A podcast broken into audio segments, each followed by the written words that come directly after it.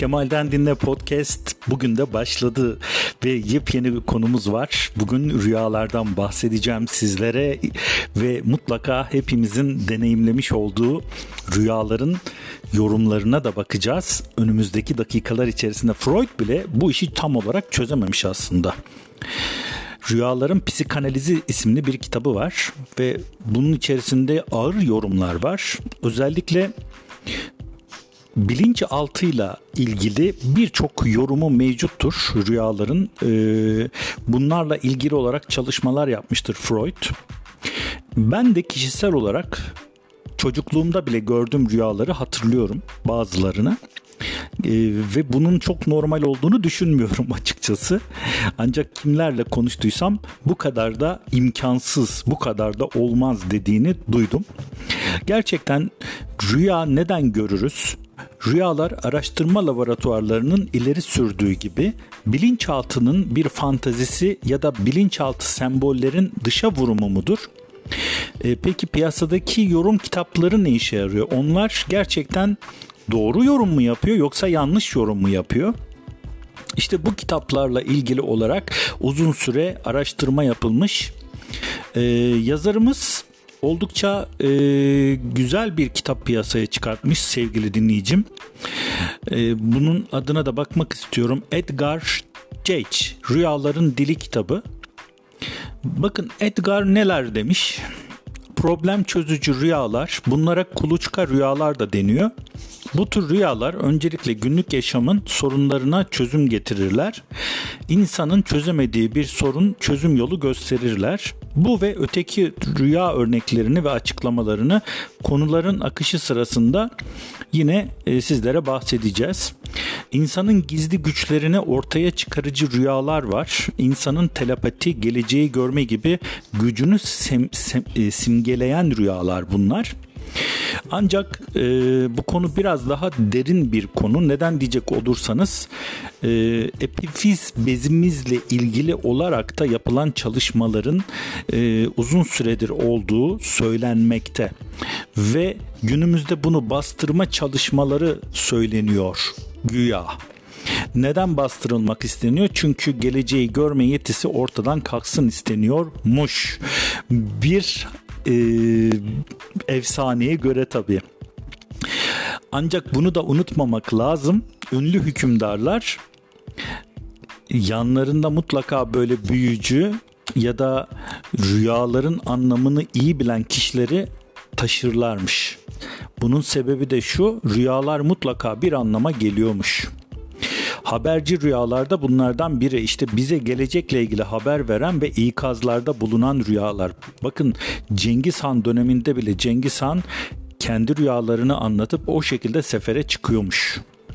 Bunu birçok kraliyet ailesinde görebilirsiniz. Avrupa'da, Osmanlı'da ve aklınıza gelen birçok filmde de konu almıştır ve bunların birçoğu da gerçektir. Hatta Roma İmparatoru Mark Antonius özellikle e, savaşlara çıkmadan önce e, yine rüyasının anlamına göre yola çıkıp çıkmayacağına karar verilmiş. Sağlık koruyucu rüyalar bunlar da işte kişinin kendisinden kaynaklı ve bedeninizde bir sorunun işareti olup olmadığını e, bilgi olarak veriyor. İnsanın üst benliğine yükselten rüyalar, insan üzerinde derin etkiler yaratan mesajlar niteliğindeki rüyalardır. Tabii şöyle bir şey de var. E, rüyaları gördükten sonra o kadar gerçek görüyoruz ki bazen ve bu rüyalar e, görüldükten sonra genelde e, kötü bir şey düşünüyorsak birileriyle ilgili ya da kötü bir şey yapacaksak onu yapmaktan vazgeçebiliyoruz. Ya da tam tersi o günümüzü çok böyle dolu dolu güzel geçirebiliyoruz. Bir de anlamsız rüyalar var. Bu da çok fazla yemek yemekten, içkiden, işte ilaçlardan kaynaklanan kabus biçiminde anlamsız rüyalardır. Özellikle son dönemce son dönemde üretilen antidepresanların ve beta bloker ilaçların kabus gösterdiği yapılan çalışmalarda ortaya çıkmış. Rüyaların da bir yasası olduğunu mutlaka bilin diyor Edgar. Yani rüyalar belli yasalara göre oluşur ve ortaya çıkar. Bunlar da geri geldiğinde yine size bahsedeceğimiz konular arasında. Aynı şekilde rüyalar belli yasalara uyarak da yaşanabilir ya da açıklanabilir. İlk yasa rüya görenin ruhsal durumunu teşhis etmekte. Rüyanın yarattığı duygular olumlu mu olumsuz mu? İkinci yasa rüyanın hangi ihtiyaçtan kaynaklandığını değinir. Acaba hangi ruhsal ihtiyaç bu rüyayı yaratmakta? Üçüncü yasa rüyanın düzeyden kaynaklandığını saplamakta. Yani her düzeye göre yorum farklılaşabilir. Rüya yorumuna başlamanın da usulleri var. İnsan önce kendini en iyi tanıdığı için kendi rüyasını kendisi yorumlamalı. Rüya yorumu piyasadaki rüya yorum kitaplarını karıştırıp o açıklamalara göre e, olmuyor. Yani sizin kendi yaşamınızdaki durumlara göre. Ama orada da küçücük bir durum var. Semboller olayın aslını değiştiriyor. Ne gibi semboller? Mesela köpek gibi, kuş gibi, deve gibi, yılan gibi, hayvanları görmek gibi ya da para, gümüş, altın buna benzer şeyler yine size o rüya kabusu içinde verilen birer sembol. Aristo her konuda olduğu gibi rüyalarla ilgilenmiş ne var ki burada fazla derine inememiş. Rüyalarımız genelde rastlantısaldır ve bir anlam taşımaz diyor Aristo. Rüyalar üzerine ilk kitabı 2. yüzyılda e, Daldisli Artemidor yazmış. Ona göre 5 tür rüya var. Günlük olayları yansıtan rüyalar, geleceği yansıtan haberci rüyalar, Üçüncüsü melekler ve azizler tarafından iletilen Tanrı'nın dileklerini bildiren kehanetler. Dördüncüsü baş, e, baskın duyguların kendini açığa vurduğu fantastik rüyalar. Bir de beşincisi çoğu zaman çocuklukta ve ihtiyarlıkta görülüp korkup acı veren rüyalar. Gene Artemidor'a göre rüyalar zaman ve kişiye göre farklılık gösterdiğinden tam olarak yorumlanamazlar. Onun çağına göre oldukça ileri olan bu tür açıklamaları insan gerçekten duyunca şaşırıyor. İkinci yüzyılda kaleme alınmış yine Yahudilerin esoterik kitabı Talmud büyük bir gerçeğe işaret ediyor. Yorumlanmamış rüya okunmamış mektuba benzer diyor. Kitap Yahudilerin rüya yorumuna çok önem verdiğini, Hazreti İsa döneminde Kudüs'te 24 yorumcunun bulunduğunu söylüyor. 4. yüzyılda Asuanlı Senyos rüyaların büyük önemine işaret ediyor. Hatta rüyalar yoluyla insanların eğitilip aydınlanabileceğini söylüyor. İnsan olmanın gereği olan rüyalar yaşamın gerçeği olarak bazen bize iyi bir hayatın nasıl olması gerektiğini öğretir diyor ve dört tür rüyadan söz ediyor. Geleceği gösteren rüyalar, yine az önce bahsettiğim gibi gün boyu yaşadığımız olaylar, tanrısal rüyalar ve şeytani rüyalar diye bunlar sınıflandırılmış. Evet, şimdi Sigmund Freud rüyaları bilimsel inceleme konusu yapan ilk insandır. Rüyaları inceleme yöntemi doğal olarak psikanalize serbest çağrışım yöntemidir. Ona göre rüyalarımızı oluşturan motifler akıl dışı ve arzular düşüncelerdir. Bilincimiz tarafından bastırılan ve dışlanan olumsuz duygular özellikle cinsel arzular rüyalarda kendilerini ortaya vururlar. Bu akıl dışı arzuları içimizde taşıyoruz ama toplumun baskısı yüzünden onları bilinç altında bastırıyoruz. Uyku sırasında bilincin kontrolü azaldığı zaman bu arzular canlanıp kendini ortaya vuruyorlar. Bu arzular genellikle temelleri çocukluğumuza kadar inen cinsel arzular. Ne var ki içimizde bir sürü sansürcü var. İşte bu sansürcü yasak duygu ve düşüncelerin net bir biçimine bürünmelerini engelliyor bizim gündüz hayatımızda. Böylece sansürcü akıl dışı arzuları değiştirip farklılaştırıyor. Onları sembolize ederek rüyalara taşıyor. O halde semboller gizli şifrelerdir diyor Freud. Rüya yorumculuğu da bu şifreleri çözümlemekten ibarettir diyor. Örnek olarak rüyada görülen elmalar göğüsleri, açık kapı kadın cinsel uzvunu temsil ediyor. Yılan ve kule penisi simgeliyor. Suya atlayan adam cinsel birleşmenin sembolü oluyor. Freud'un rüyaları bilinçaltı içeriği sembollere dönüştürme gibi buluşları gerçekten çok önemli. Ne var ki 19. yüzyılın cinsel yasaklı toplumunda yani o dönem yaşadığı için tutucu bir Yahudi ailesinden geldiğinden buna tepki olarak e, kesinlikle inanmıyorlar. Eric Fromm Eric Fromm rüya ve rüya yorumları ile ilgili görüşleri iki meslektaşından daha kapsamlı ve gerçekçi. Hem Freud hem de Jung'tan yararlanır. Ne var ki ikisinin de aşırı uçlara gittiğini söylüyor. Ona göre rüyalar çok daha karmaşık ve gizemli.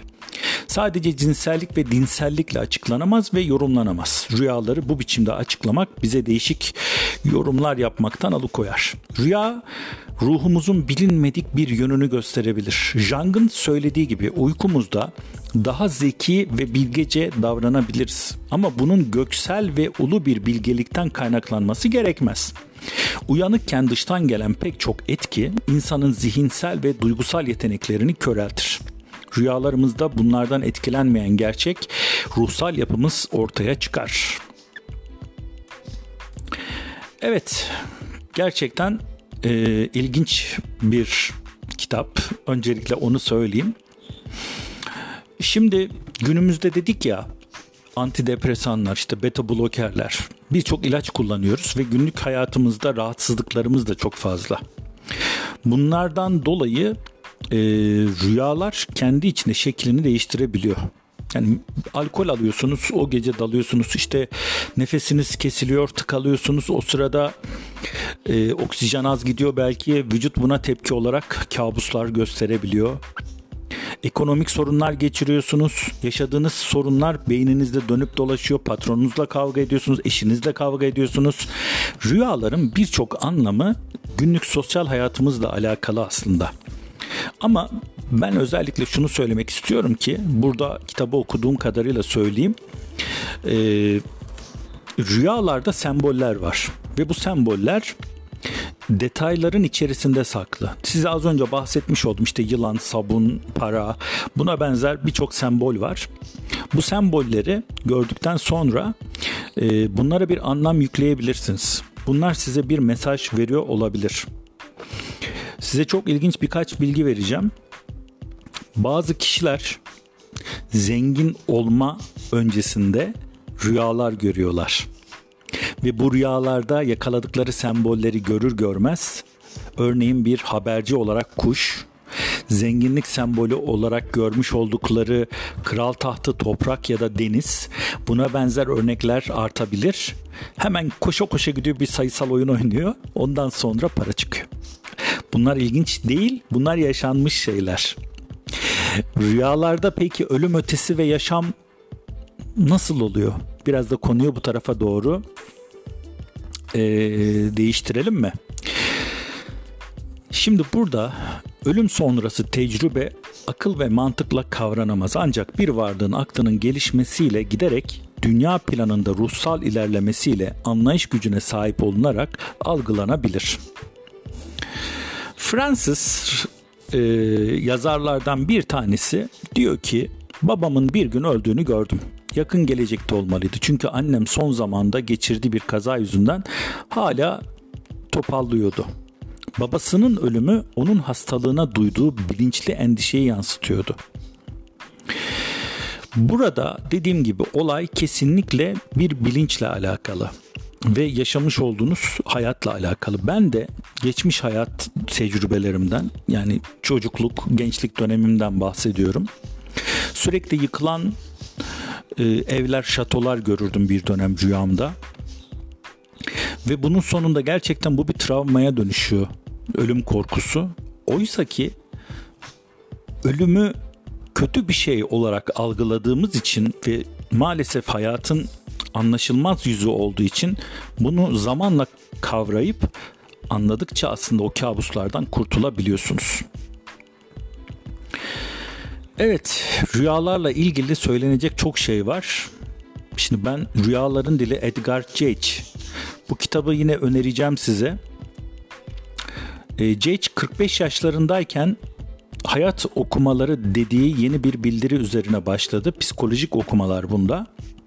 Aramızdan ayrıldığında geride her yaştan insanı ele alan bu türden yüzlerce okuma bırakmış. Bu okumaların içerikleri rüya yorumlarına paralel.